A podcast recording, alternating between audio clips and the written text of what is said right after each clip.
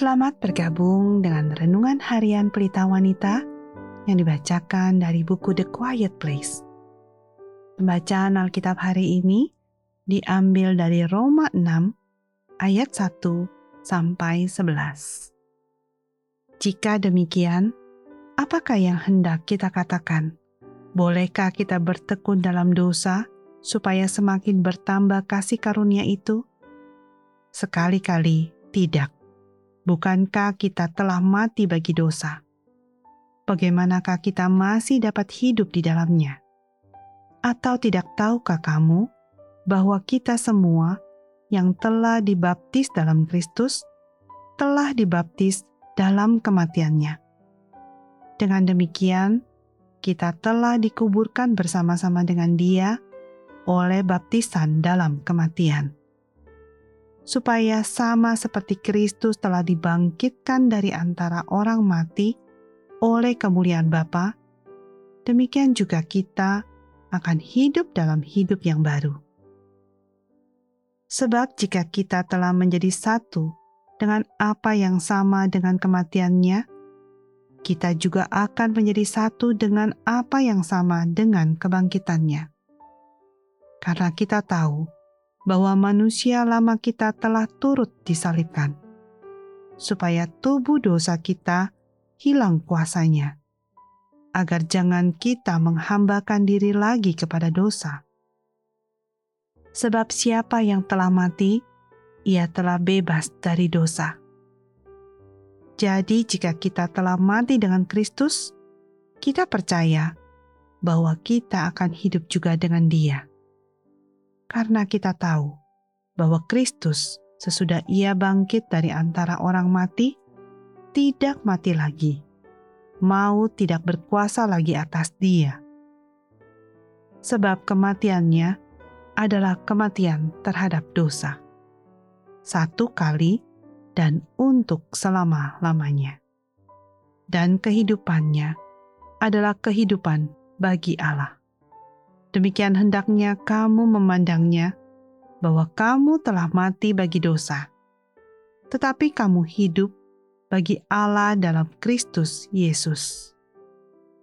Ayat kunci hari ini adalah dari Roma 6 ayat 6. Karena kita tahu bahwa manusia lama kita telah turut disalibkan, supaya tubuh dosa kita hilang kuasanya agar jangan kita menghambakan diri lagi kepada dosa. Tidak dapat berbuat apa-apa, kita melihat hal-hal dalam diri kita sendiri yang tidak kita suka, hal-hal yang kita tahu tidak menyenangkan Tuhan. Tetapi bukannya mengaku bertanggung jawab atas hal-hal tersebut, kita semua dengan mudahnya menyalahkan faktor-faktor lain, keadaan, atau orang lain. Kita menyalahkan hormon, cara kita dibesarkan, keadaan keluarga, jadwal yang selalu sibuk.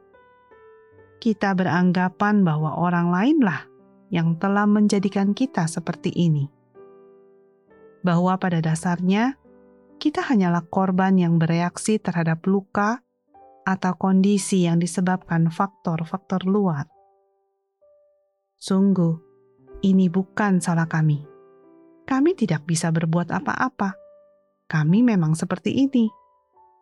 Dan itulah yang musuh inginkan untuk kita percayai. Pikirkanlah kembali dosa awal yang dilakukan di Taman Eden.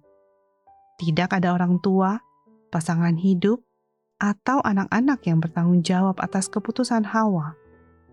Dia tentunya tidak dapat menyalahkan lingkungannya. Melihat bahwa lingkungannya begitu murni dan sempurna dalam segala aspek. Dia tidak memiliki kesulitan dalam hal keuangan. Tidak ada masalah dalam pekerjaan. Tidak ada rumput liar untuk dicabuti. Tidak ada tetangga yang mengesalkan dan tidak ada masalah dengan mertua atau ipar. Dia hanya membuat sebuah pilihan pribadi. Mungkin pilihan yang sama yang Anda atau saya ambil, baik sebelumnya atau di kemudian hari. Jadi, itu bukan salah orang lain, tetapi diri kita sendiri. Seperti Hawa, masalah kita timbul dari dalam hati kita sendiri. Mungkin kedengarannya melemahkan dan membuat kita terdengar seperti orang yang selalu akan gagal. Tetapi itu justru menunjukkan pada kebenaran yang memerdekakan bahwa kita punya pilihan dengan anugerah Allah, kita dapat berbuat sesuatu. Kita tidak dipaksa untuk terus hidup dalam keterikatan dengan keadaan kita, tanpa bisa memilih sikap yang bisa menyelamatkan. Percaya bahwa kita tidak punya pilihan justru berarti berpikir bahwa kita ditakdirkan untuk gagal, selamanya tidak bahagia dan frustasi. Tidak, kita bisa diubahkan oleh kuasa Roh Kudus yang tinggal di dalam kita. Diubahkan menjadi seseorang yang mengambil tanggung jawab dan mengalami kuasa yang membebaskan dari kebenaran. Sebagai penutup, mari kita renungkan pertanyaan ini. Apakah keadaan yang paling sering Anda salahkan atas ketidakpekaan atau ketidaksabaran Anda? apakah dengan mengaku bertanggung jawab atas tindakan tersebut dapat membebaskan Anda dari keterikatan pada orang lain dan situasi-situasi yang berada di luar kendali Anda.